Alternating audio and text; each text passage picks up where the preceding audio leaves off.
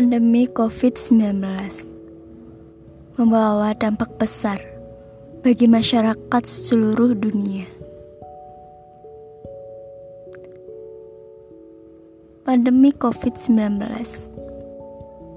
juga membuat masyarakat terpaksa untuk melakukan kegiatan mereka di rumah. Namun, itu tak menjadikan mereka untuk tidak beraktivitas. Mereka bisa melakukan aktivitas di rumah dengan membuat list untuk melakukan sebuah aktivitas di rumah.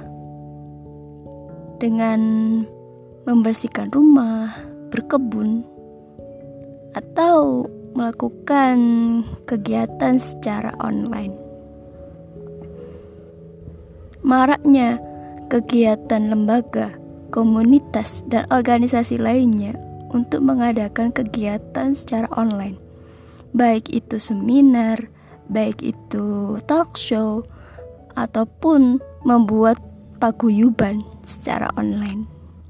Dan itu membuat mereka lebih dekat Walaupun di sisi lain mereka kesulitan dengan ekonomi mereka masing-masing.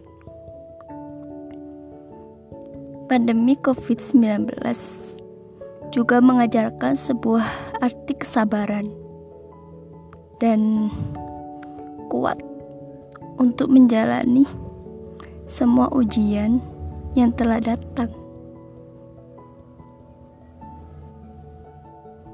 Tetap semangat ya.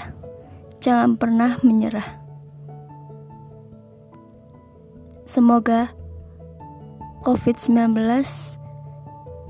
cepat meredah dan semua negara di seluruh dunia menjadi sehat.